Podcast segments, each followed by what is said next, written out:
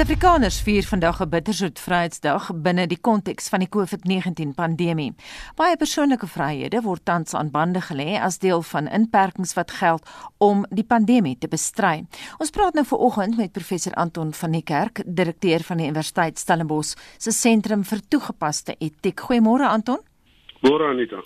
Het Suid-Afrikaners nog iets te vier teen die agtergrond van die baie streng inperkmaatreëls in terme van persoonlike vryheid? Maar ek moet sê uh, as ons nou eerlik moet wees, voel dit net eintlik so nie, né? Uh, ek het nou net gehoor oor julle nuusdienste daar is byvoorbeeld uh, nie 'n enkele openbare byeenkoms soos ongehoord vir Vryheidsdag. Die stryd om apartheid te beëindig kry was 'n politieke en 'n ideologiese bevrydingsstryd tussen vernaamste politieke groeperings. Dit kon opgelos word deur rasionele prosesse wat weliswaar baie onderhandelings vereis het maar uh, waar mense jy tog daarom kon beroep op oorreding, né? Die probleem is jy kan nie met 'n virus onderhandel of met 'n virus oorleef om sy verwoestingswerk te staak nie. Hè? Ons stryd vir die oomblik is ook nie tussen opponerende groepe wat onderling wetywer nie. Ons is in hierdie stryd saam met die oorgrootste meerderheid van mense internasionaal. Dit maak dit maak juis ons Vryheidsdag 'n baie baie ongewone soort van geleentheid.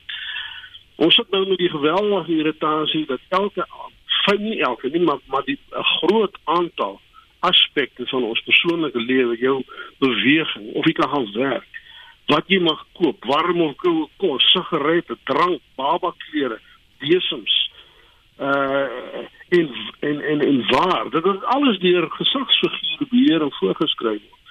Uh, ek kon tog help om, om gister daaraan te dink dat dit my tog 'n bietjie herinner aan ook aan die apartheid tyd, net was nou op 'n baie baie laer skaal.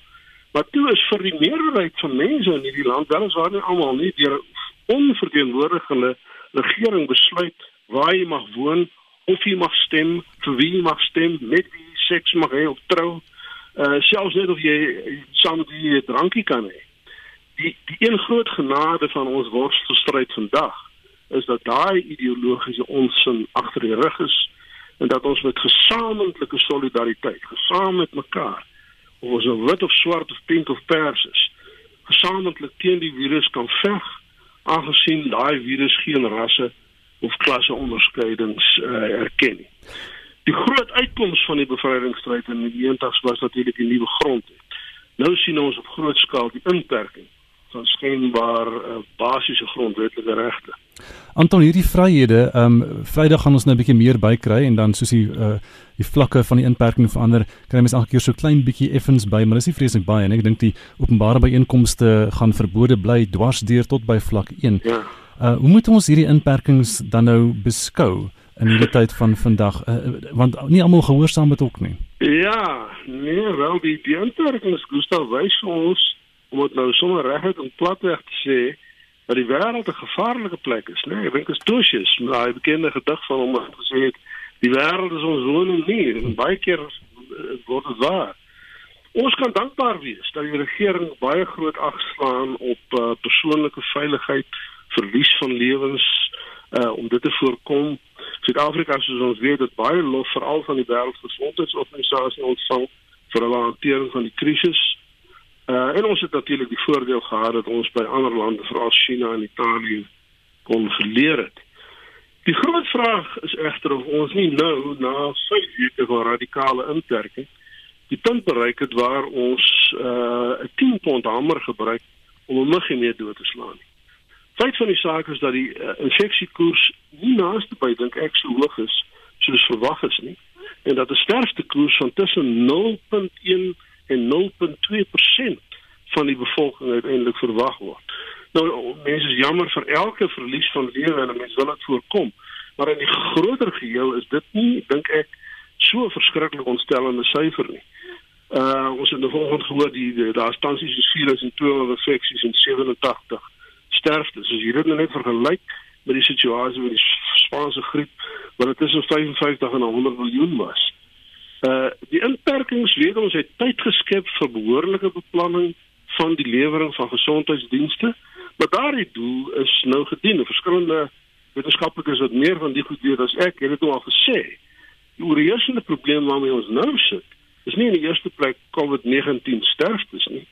maar wel die dreigende ekonomiese ineenstorting wat ons in die gesig staar veral soos dit tasbaar gemaak is deur die feit dat mense se geld eenvoudig op is en dat hulle fisies honger is. Die RGN opname van gister eh uh, al gekyk het wys dat 25% van die bevolking eenvoudig nie geld oor het meer om kos te koop nie. En dit beteken sterfte. Nie as gevolg van die virus nie maar as gevolg van armoede. En voor arme mense van honger sterf kom hulle eers in opstand. Jy, dit is dit is wat daarmee moet ons rekening hou Loop ons die gevaar om van ons verworwe vryhede te verloor. Ons nou hoor wat Magnus Huystek sê waaroor hy alles bekommerd is. Uh Anita, daai gevaar bestaan altyd, maar jy weet ek sou daarom net as 'n voet daar wil bysit dat die die die gevaar om ons verworwe vryhede te verloor bestaan nie net in 'n krisistyd soos hierdie. Uh in 'n tyd van virusbesmettings nie. Ons vryhede is oor 'n lang tyd uh, in Suid-Afrika baie baie ernstig bedreig. Jy weet in TV Botha se tyd. Maar uh, kom ons vergeet nou maar van daai tyd in die meer onlangse tyd uh, ook in die uh, in die tyd van Jacob Zuma. Uh, ons sien nou meer as ooit dink ek die gevolge van hoe hy in sy trawend die staatskas geplunder het en die effek wat dit gehad het op ons ekonomiese krisis. Die groot gevaar is dat in terme van die bepaling van die noodmaatreëls figure soos uh, in Nkosazana Zuma en Tele die minister van polisie bloedryk nê met hulle skynbaar onbeperkte reg om maatreëls uit te vaardig en te wysig nes hulle wil. Ek het ek het eers gelees oor die naweek dat daar is nou 'n blykbare dokument van iets soos 500 regulasies wat uitgereik is. Nou nou dis dis onvolhoubaar die duiwel kan 500 regulasies nagaan en hoe polisieer jy met hoeveel soldate jy ook al op die straat sit uh so 'n situasie ek, ek, ek, ek het baie simpatie met Suid-Afrikaners wat wat wat hierteen 'n uh, bietjie in opstand is op die oomblik net om stil te staan by daai vraag vir 'n oomblik Ehm um, daar's baie ontleeders ook wat tamelik skepties is. Soos jy nou verwys het daarna dat van hierdie ministers het nou onder die ramptoestande weet eh, geproe die die ongebreidelde mag wat wat hulle het. So ehm um, is dit nie moontlik dat eh, dat daar 'n bietjie waarheid steek in daai skeptisisme dat hulle onwillig gaan wees om die mag terug te gee nie? Hey, dis presies waarvoor ek bang is, Gustav. Is, is so jy weet as jy eers eh, ek wil nou nie uh, te grafiese beelde gebruik nie, maar as jy bewyse van spreuke nou eers eenmal die bloed geryk het van mag en magsuitoefening en dat jy soos Engels sê left right and center jy weet reël kan maak vir jou, jy weet of jy baba klere in 'n winkel kan koop, my liewe vader. Dit is daarom, jy weet, by die absurde verby.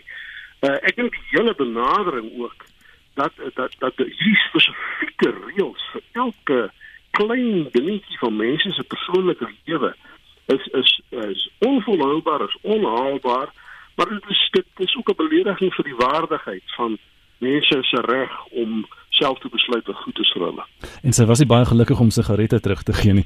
Uh, Daar's nou ook 'n ongekende natuurlik aantal soldate tot 75000 soldate of die weermag wat aan die binneland ontplooi is. Nie nie lank terug net ons 'n vreeslike debat gehad net hoe daar 'n paar soldate in die Wes-Kaap ontplooi is. Hoe moet ons hierdie ontplooiing van die weermag verstaan? En gaan dit alles oor soldate op straat? Ja, ek, ek dink dit is 'n baie goeie vraag wat jy vra. Soos jy sê, toe ons met onbeheerste bende geweld in die Weskaap gesit het, was dit skynbaar 'n baie groot probleem om 'n klein klompie weermaglede ontplooi te kry. Menselewens, insluitend kinders, was in daai situasie amper net soveel 'n gevaar soos tans met COVID-19. Ons het ek herinner my daai tyd jy het amper op 'n daaglikse basis is mense doodgeskiet en 'n groot aantal van daai slagoffers was nog daar by kinders ook. Ehm uh, die verskil was natuurlik dat in die Weskaap die situasie in die Weskaap situasie die ontplooiing van weermaglede onderhewig was aan grondwetlike reëls wat nou skynbaar nie meer uh, regtig die geval is nie. Maar uh, die vraag bly, hoe polisieer jy ook al met jou 76000 soldate al dan nie, hoe polisieer jy 500 maatreëls oor die hele land? Hmm. Nou ons samelewing word deur skerp ongelykhede gekenmerk, soos 'n land soos byvoorbeeld Brasilië, en daar is waarnemers wat sê dat ramp soos COVID-19 vir ons 'n kans bied om 'n meer billike samelewing te skep en dan is daar ander wat heeltemal strydig daarmee argumenteer en sê dit gaan juis minder regverdig word. Anita, ek dink ons behoort almal saam te stem dat veel gedoen behoort te word om die ongelykhede in Suid-Afrika te verminder. Eh laat dit daarom net ook byvoeg mense wat nou eers agterkom dat ons sit met groot ongelykhede is daarom soos Engelsman sê bietjie Johnny kan lightly, né? Ons weet daarom al baie lank al van die geweldige diskrepansies die die die Gini koëffisiënt wat die hoogste in die wêreld is in Suid-Afrika en Suid-Afrika. Hongersnood en die noodsaak tot voedselvoorsiening in die vorm van kospakkies is tans wat my betref onontbeerlik en die regering en alle Suid-Afrikaners wat daar bydra verdien net die hoogste lof. Ek dink ek wil geen negatiewe geluid daaroor maak nie. Dit is wonderlik dat ons daaroor met mekaar kan saamwerk.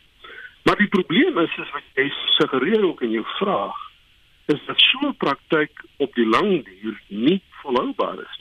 Dis nie volhoubaar as die manier waarop jy daai billike samelewing waarvan jy praat, dat jy die manier waarop jy dit wil skep, as dit eenvoudig neerkom op die aktiewe uitdeel en die passiewe ontvangs van voordele. In ander woorde, 'n soort sosialistiese model nie.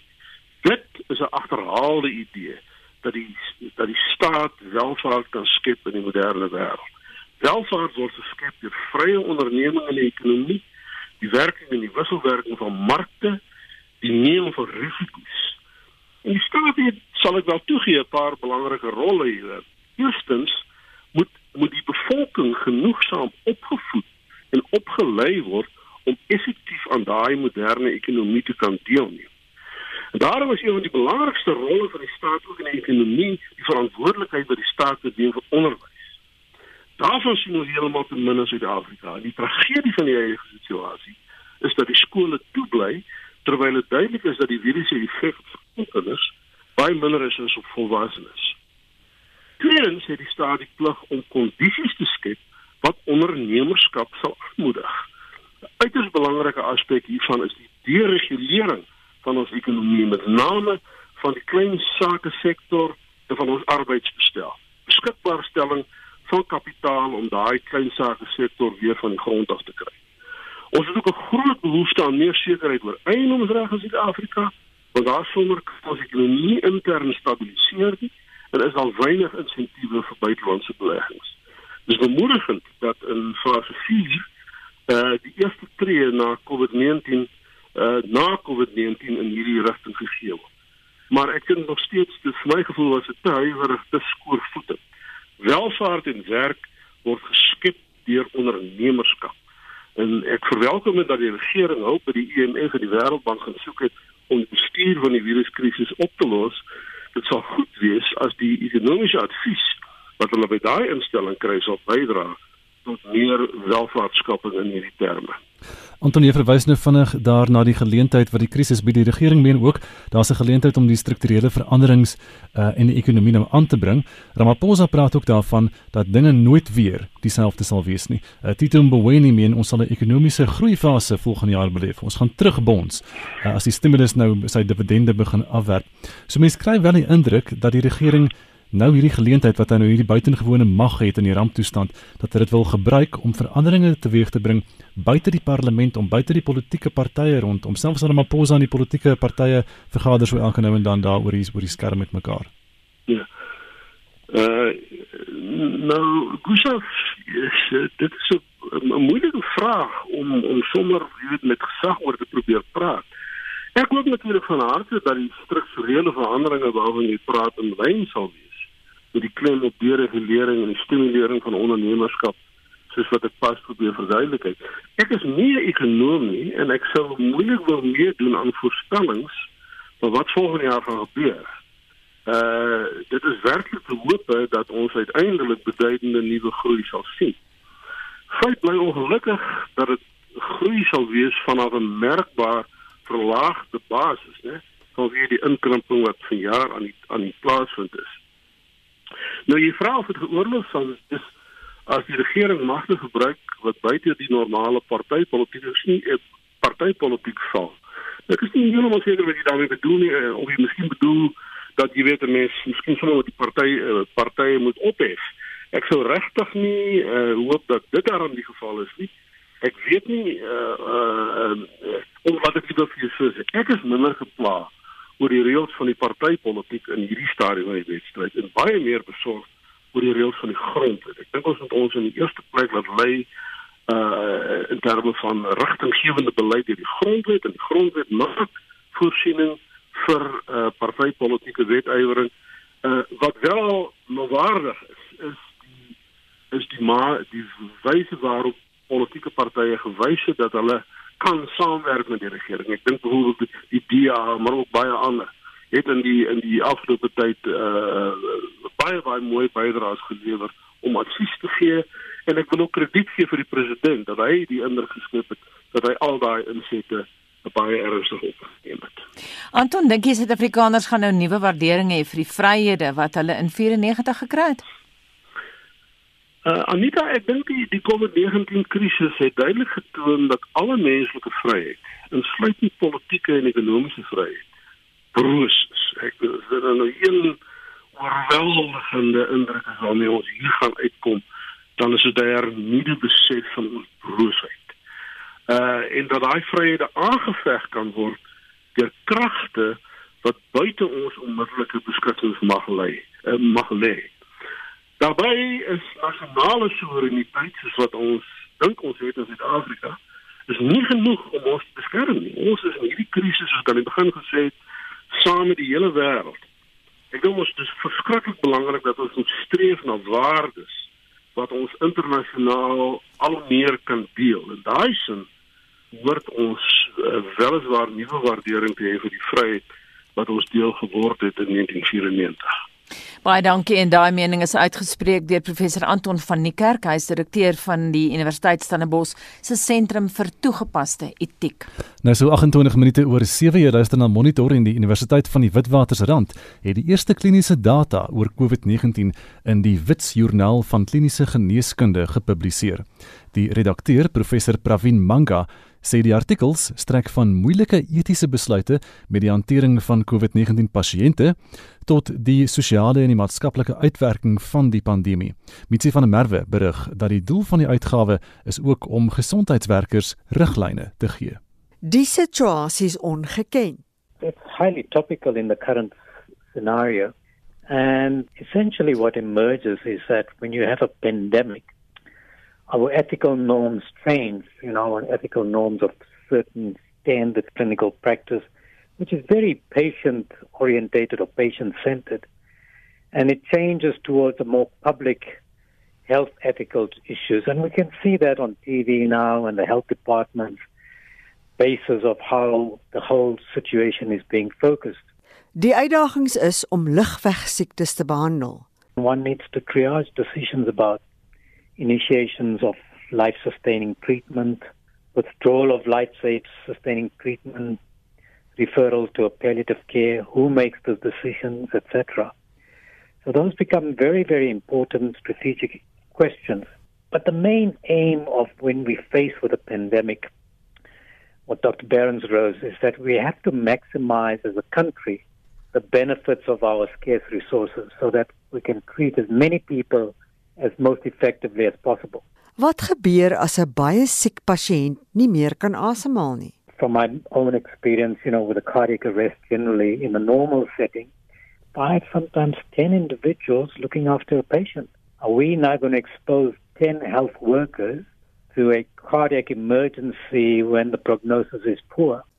Volgens professor Pravin Manga moet hierdie tipe kwessies in hoë sorgeenhede se protokolle wees vir wanneer die besmetting sal toeneem, soos verwag word na die Grendeltydperk. From my perspective and I would hope that every intensive care unit or hospital looking after these patients have specific both entry, treatment and ethical guidelines in place Die publikasie hanteer ook kwessies soos wat in die praktyk ondervind is met die groot hoeveelheid mense wat vigs het na COVID-19 toeslaan. Manga sê in 'n studie oor griep in MI vigs COVID-19 pasiënte oor see is die resultate bemoedigend. We have close to 7.7 million people living with HIV, of which um, about 5.5 million are fortunately on ARV. So we have a significant number who, at least from an immune point of view, doing much, much better on antiretroviral therapy. Uit Witse-stal het die hoof van die departement vir longstudies geskryf oor vigsnavorsing in die corona-19 uitbreking. And if we look at the HIV and the closest we can get is influenza because that's the largest sort of viral infection that we all have. And it appears that the influenza, when it does hit in winter months, is not particularly worse in HIV patients on antiretroviral therapy. It doesn't appear to be any worse than so someone who's not HIV positive. Although the ones who are not on antiretroviral therapy, they do seem to have a much worse influenza episode and mortality seems to be slightly higher. There's a tiny study coming out of Spain which looked at about 13 patients with HIV. And the story there is also good in that it appears that those HIV patients didn't fare any worse than those patients who were not HIV. So prognostically, they would, didn't do any worse. So the fact that we have at least two thirds of our population on ARVs, I think is a good thing. Maar wat is in die praktyk ondervind met spesifieke medikasies om COVID-19 te behandel? The only thing I think which is currently in the last week or so that maybe come out relevant that a lot of public might be interested in this is this whole question of hydroxychloroquine. Remember that President Trump that he in fact favored the use of this. It appears that other than the one study which showed seemed to show benefit, there's at least three, four studies now showing it doesn't really have any major benefit. And one study suggesting that hydroxychloroquine patients did slightly worse than those who were not oh. on hydroxychloroquine. Die groot vraag bly oor hoe ver die wêreld is in sy soeke om 'n middel om COVID-19 te beveg. But my own view is I don't think we're going to find an adequate therapeutic regimen that's going to cure COVID once you develop COVID. Because if we look at the major other coronaviruses, the SARS and the MERS epidemic, a lot of these drugs were used in those epidemics and none of them work. Professor Pravin Manga glo nie daar gaan binnekort 'n enstof beskikbaar wees nie en dat dit 'n rukkie sal neem voor meer as 60% van die bevolking immuun sal wees teen die virus, 'n tipe kudde-immuniteit. Largely immunity can be developed in most circumstances by introducing a vaccine then everybody gets vaccinated or you allow as many people to get infected as possible and uh, then after about, say, 60% of the people get infected, it cannot be transmitted to anyone because those 60% will have some degree of immunity. And that's called herd immunity. Manga sê twee Suid-Afrikaanse wetenskaplikes skryf in die Witsjoernaal dat daar 'n moontlikheid is dat minder mense in Suid-Afrika sal doodgaan as in die Verenigde State van Amerika omdat ons bevolking heelwat jonger is. Volgens Manga sal daar nie minder besmettings in Suid-Afrika voorkom nie, maar behoort die sterftes minder te wees. Mitsi van der Merwe, SAK nuus.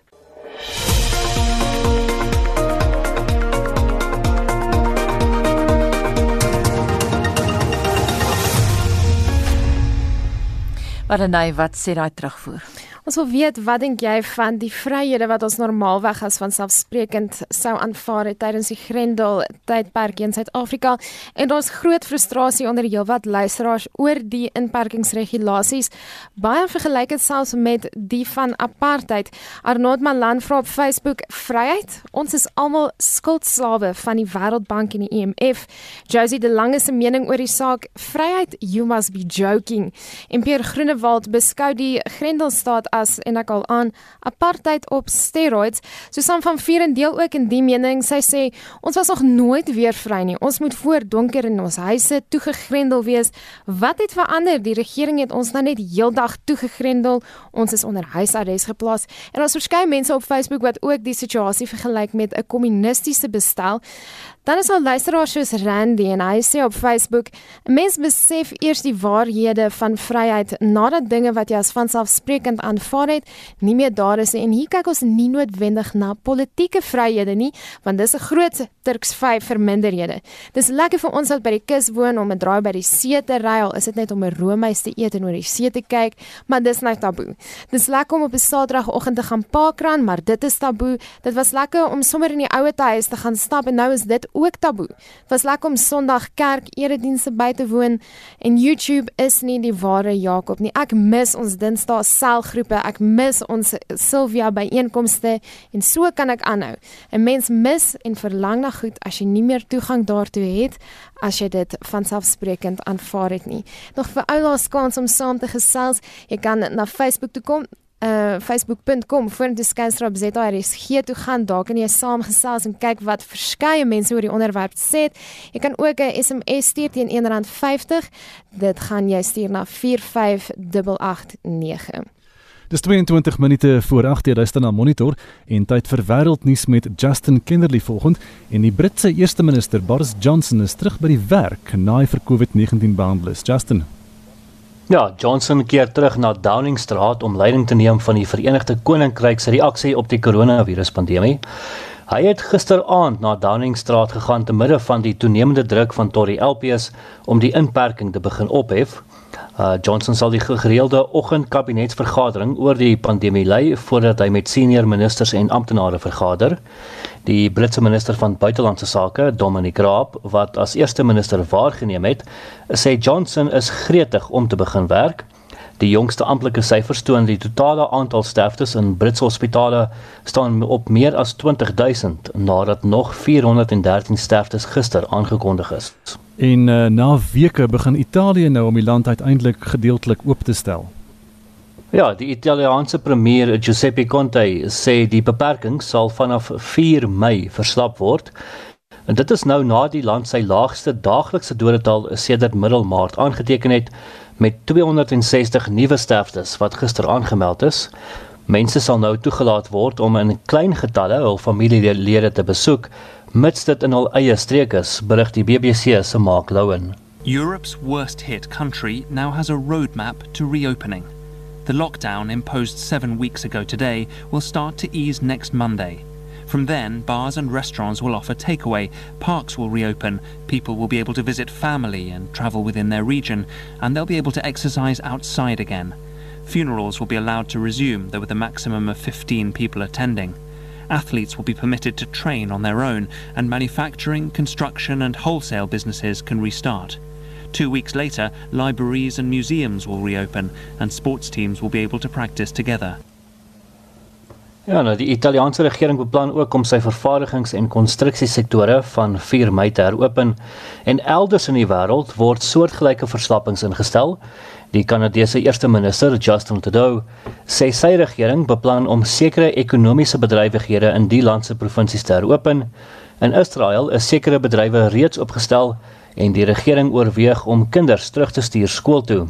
In Spanje, ook een van die lande wat die ergste deur COVID-19 getref is, is kinders vir die eerste keer in 6 weke weer toegelaat om buite te wees. Dan Justin in Afrika, 'n rebellegroep in die Demokratiese Republiek van die Kongo vermoor glo 23 mense. Ja, volgens berigte het die aanval in die Ituri provinsie in die ooste van die land plaasgevind. Lede van die groep genaamd Kodeko het Vrydag 'n dorpie in die Mahagi distrik aangeval en uh, die groepie boere wat op pad was om in hul landerye te gaan werk, vermoor. Die dag voor dit het dieselfde groep wat afkomstig is van die Lendu etniese groep 13 mense doodgemaak in 'n ander deel van die mineraalryke provinsie. Die motief vir die aanvalle is onbekend, maar die streek loop deur onder dekades van intergemeenskaplike geweld. Tientalle gewapende groepe is aktief in die ooste van die Kongo en die land se weermag sê dit het onlangs 'n aansienlike sukses teen hulle gehad, maar daar is steeds vrese dat die groepe bloot sal voortgaan met hul moordtogte. Justin Kennerly met vanoggend se wêreldnuus. Nou so 18 minute voor 8 in die hoof van die South African International Ballet Competition, Dirk Badenhorst, is deur die COVID-19 pandemie geïnspireer om op 'n innoverende wyse ballet aan die lewe te hou sonder dat mense in aanraking hoef te kom met ander. Anita het Vrydag met hom gesels. Daar is soveel mense wat van die oomblik toe ons gehoor het dat daar die afsluiting gaan gebeur wat rondgehardloop het en begin dinge doen net om te dink wat kan ons doen? En my argument was dat ons nie een weet regtig wat die uitkoms gaan wees nie, hoe lank dit gaan neem nie. Ek is deel van 'n e-posgroep van die direkteure van balletgeselskappe reg oor die wêreld. En hulle het onmiddellik begin klasse reël en onmiddellik begin dink wanneer gaan die volgende produksie wees. En ek het bly sê, ons is nie seker nie. Niemand weet presies wat gebeur nie. In China is dit nou al maande en hulle teaters is nog steeds nie oop nie. So hoe kan ons wat 'n paar maande agter hulle is begin dink dit gaan net 'n paar weke vat? Maar wat moet ons doen om ons kinders en ons onderwysers geïnspireerd te hou? So dis hoekom ek toe besluit het om die projek te begin. En oorspronklik het ek gedink ek gaan net 'n paar kindertjies kry om dit te doen, net om te wys dat die kompetisie inderdaad nog aangaan. Al weet ons nie presies wanneer die datums gaan wees nie. En toe het ek net meer en meer en meer begin terugvoer kry van mense wat sê, "Maar wat van hierdie onderwyseres?" En dan het ek begin dink, "Maar kom ons doen dit so wyd as moontlik." En toe het ek besluit om met my kontakte in ander Afrika lande te maak Want daar was soortgelyke video's wat in Europa en in Amerika en Australië gebeur het, maar niks regtig op hierdie skaal wat 'n hele kontinent wat saamwerk het nie. Ek was verstom om te dink ons het gesê ek gaan net van 20 tot 40 video's kry. Op die einde het ons meer as 270 video's gehad. So dit was baie baie moeilik en daar is altyd in so 'n geval mense wat uitgelaat word per ongeluk of wat jy nie gevra het nie want jy het nie aan hulle gedink op daai oomblik nie maar dit is ongelooflik om die reaksie daar te kry die reaksie van die onderwysers vir al die onderwysers wat in die townships is wat skielik het hulle iets gehad vir hulle kinders om te doen vir kinders wat totaal totaal afgesluit is van enige iets en kon vinnig met 'n videoetjie wat hulle op hulle telefoon maak dit reg kry om dit te maak werk en hulle het skielik deel gevoel van die kompetisie, hulle skielik deel gevoel van die res van die kontinent En nou dat hulle die video's begin sien, is die reaksie ongelooflik en hulle met trane in hulle oë vir my laat weet hoe, hoe wonderlik dit is. Maar ek moet bes vir myself as daar oomblikke waar ek gelag het, waar ek gehuil het, waar ek 'n traan moes wegpink. Die klein dogtertjie wat dans, die seentjie in die strate van Gugulethu van Zama. Die dogtertjie wat met haar perd die ballet bar doen wat vir my ongelooflik oulik gewees en die bereidwilligheid weer eens van almal, die onderwysers, die ouers, die kinders, was net ongelooflik. So dit was vir my wonderlik om te sien hoe almal bereid is om saam te staan. Ek dink ons kan deur die kunste vermag wat politici nie kan doen nie en dit is om Afrika te begin met saamwerk. Wat my getref het Dirk is die verskillende balletstyle. Jy het nou verwys na die meisie wat 'n perd gebruik het as 'n balletbaar.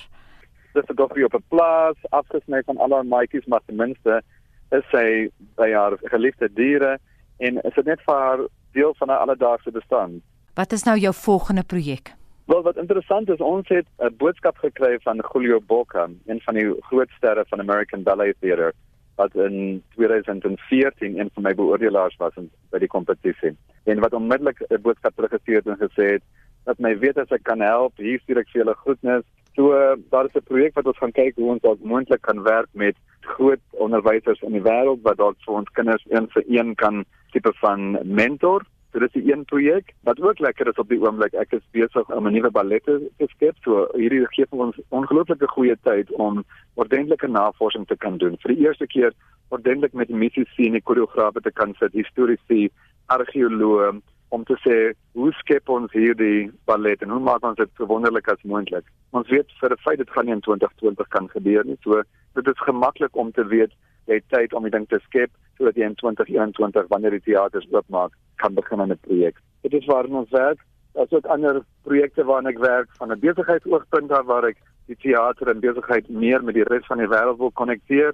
Mens gebruik hierdie tyd wat oorspronklik vir jou angstig gemaak het. Ek het drie Engelse woorde wat ek vir mense bly sê. Relax, reflect and renew. En ek dink dit is baie belangrik. En ek dink ook wat vir my belangrik is is die daar was op Facebook 'n wonderlike storie van iemand wat gesê het ons is nie almal dieselfde bootjie nie. Ons is almal dieselfde storm. Maar ons moet respek hê vir vir die verskillende omstandighede, vir die verskillende agtergronde, vir ons verskillende behoeftes en dat ons mekaar moet bystaan en en saam staan. En ek dink dit is wat ons gaan leer hier uit dat ons na die die lockdown gaan moet terugkeer na 'n nuwe normaal. Ons kan nie teruggaan na die ou normaal nie. Dit het nie goed gewerk nie. Dit het mense siek gemaak. Dit het die wêreld siek gemaak. En ek dink dit is wat ek wat ek wil hê dat ons almal moet begin kyk oor hoe kan ons dit anders doen terwyl ons nog steeds tyd het met ons families, tyd het vir onsself en tyd het om net die lewe te kan geniet. Vertel ons meer oor jou planne met die sakewêreld. Wel, ek besig om te kyk hoe ek 'n uh, toepassing kan ontwikkel waar ek die teaters kan konnekteer met kaartjieverkopers met die publiek. Ek wil bestaan op soek na mense wat kan help daarmee as mense bereid is om en en kennis het van die bou van toepassings kan hulle ons gerus kontak. Dan kan ons kyk wat ons kan doen. Maar ek dink dit is 'n projek wat oor die volgende 2 tot 3 jaar 'n wonderlike projek vir my gaan wees. Hierdie nuwe ballet, waarop is dit geskoei? Ek wil dit bou rondom die goue renoster van Mapungubwe. Die hele storie rondom die feit dat ons so maklik kan ons van Europese oogpunt af sê dat die Europeërs die kuns ontwikkel het, maar in werklikheid was daar in die jare 1100 en 1200 in Afrika mense wat al goud ontdek het, goud ontwikkel het, wonderlike kuns gemaak het met wat hulle gehad het. En so ek wil 'n ballet rondom dit bou, 'n ballet wat reg Suid-Afrikaans is en 'n ballet wat ons mense in Afrika kan vier. Die stem daarvan Dirk Badenhorst en hy is die hoof van die Suid-Afrikaanse Internasionale Ballet Kompetisie. Dis nou so 8 minute voor 8 jy is ingeskakel by Monitor op RSG en Namibië het sy topposisie behou as die Afrika land met die meeste media vryheid. Namibië behou ook die sy 23ste plek ter wêreld. Hierdie verslag van ons korrespondent in Swakopmund hier is Frikkie Wallis. Die perssekretaris in die Namibiese presidentskap, Dr. Alfredo Ngari, het by die bekendmaking van die 2020 Wêreld Persvryheidsindeks gesê die prestasie is merkwaardig gesien teen die agtergrond dat 180 lande se mediavryheid gemeet is. Die internasionale organisasie Verslaggewers sonder Grense het in sy reaksie gesê vryheid van spraak is diep gewortel in Namibië waar dit deur die grondwet beskerm word. 'n Politieke waarnemer hier, professor Nico Horn, sê Namibië verdien 'n klop op die skouer vir die prestasie. Namibiërs voel vandag buitengewoon trots op hulle eie land. Die feit dat ons eerste gekom het in terme van die gradering as 'n land met die grootste persvryheid in Afrika is nogal 'n groot veer in ons hoed. Wat tweedens voel ons baie trots daarop dat Brittanje slegs 33ste is, ons is 23ste en Amerika 45ste. Dit is die twee lande wat gewoonlik gekenmerk word as lande met groot persvryheid in die westerse wêreld. En aggenome dat Namibië vanjaar die eerste keer eintlik verlede jaar die eerste keer in 'n verkiesing 'n teenstander gehad het wat die president opgekuiel het en 29% van die stemme gekry het en die president se stempersentasie van 85 na 56 toe gedaal het, is dit nog 'n ekstra belangrike mylpaal in Namibië se persgeskiedenis met so 'n uh, geweldige sterk um, oppositie vir die eerste keer in die uh, geskiedenis van Namibië sedert sy onafhanklikheid in 1990 is die president uitgedaag sy eie stempersentasie het van 86 afgeval en nogtans het die Namibiërs dit reg gekry om in daardie stryd steeds die eerste land in terme van persvryheid in Afrika te bly en ook 'n baie goeie posisie internasionaal te hou. Professor Holland sê koerante en ander media in die land word nooit met regeringsoptrede gedreig nie. Hy sê die koronavirus het ook 'n invloed gehad. Daar was ook krisis met uh, die virus uh, wat sekerlik in baie lande ook in Namibië 'n impak op ons persvryheid gehad het en desnieteenstaande het Namibië steeds bo uitgekom. En dit het 'n groot prestasie. Koerante wat aanvanklik in die voor onafhanklikheids fase gereeld in die moeilikheid was soos die Namibian het as leser sê still telling it as it is en ehm um, kry stikkels swaarde met die Namibiese regering maar eh, nie op enige geleentheid is hulle gedreig om gesluit te word of is hulle op enige manier gedreig deur aksies teen hulle te neem nie en daarop is die Namibiërs ontsettend trots. So dit is nie net 'n geluk omdat ons steeds nommer 1 in Afrika of weer nommer 1 in Afrika is en nommer 23 op die wêreldranglys nie, maar ook is nie nommer weer trots daarop dat hulle hierdie fase wat ons deurgegaan het van werklike oppositiepolitiek en ook die moeilike tyd daarna met die inperkings op vryheid as gevolg van die koronavirus steeds nommer 1 is. Ek dink 'n goeie les vir die die res van Afrika en ook vir Brittanje en uh, die FSA. Die Namibiese politieke waarnemer professor Nico Horn. Wêreldwyd is Noorwe in die eerste plek, gevolg deur Finland, Denemarke, Swede en Nederland. Suid-Afrika lê 31ste in die wêreld. Ek is Frankie Wallis in Namibië. Die minister van gemeenskapsveiligheid in die Wes-Kaap, Albert Fritz, het die 500 nuut ontplooide wetstoepassers geprys wat deur die provinsie se veiligheidsplan aangestel is. Die woordvoerder van die departement, Kyle Murray, sê die wetstoepassers werk saam met die SAPD en die weermag as deel van 'n gesamentlike poging om burgers gedurende die inperking te beveilig. Vincent Mofokeng het die besonderhede. Volgens die woordvoerder, Kyle Murray, is hulle in 8 groeperings verdeel wat Lentegeer en Nyanga insluit. Between 6 and 12 April, the Law Enforcement Advancement Plan or LEAP law enforcement officers arrested 13 individuals in possession of dealing narcotics and in possession of liquor or in contravention of the Disaster Management Act. Issued 625 section 56 written notices to appear in court in terms of the bylaw disaster management regulations and traffic bylaws. Attended to 291 COVID 19 related complaints. Die wetstoepassers ondersteun die COVID-19 reaksiespan in samewerking met die SAPD en die bende eenheid om COVID-19 verwante operasies en misdaadvoorkomingsoperasies binne die verskillende groepe uit te voer. Being deployed within 8 clusters attending to COVID-19 complaints dispatched by the 107 Control Center and assisting in the A clusters with the response team attached to COVID-19, particularly in response to gatherings, events, and taverns operating in the respective areas. Die veiligheidsplan beoog om die moordsyfer oor die volgende 10 jaar met 50% te sny deur meer voete op die grond te sit. In the 15th week of 2020, there were 27 suspected murders, which is 59.1% lower than the total of 66 suspected murders in 2019. In the 14th week, there were 31 suspected murders. Whilst this remains 31 deaths too many, the figure is considerably lower than the same period last year, in which there were 105 suspected murders. In total, that marks a 70.5% decrease in suspected murders. Dit was Kayla Murray, die woordvoerder van die minister van gemeenskapsveiligheid, Albert Fritz. Ek is Vincent Mofokeng vir SAK nuus. Malanay sit oulaas hier om vir ons te sê wat jy die luisteraar vanoggend te sê het. Ons wil weet wat dink jy van vryheid in die inperkingsmaatreëls in die lig van Vryheidsdag?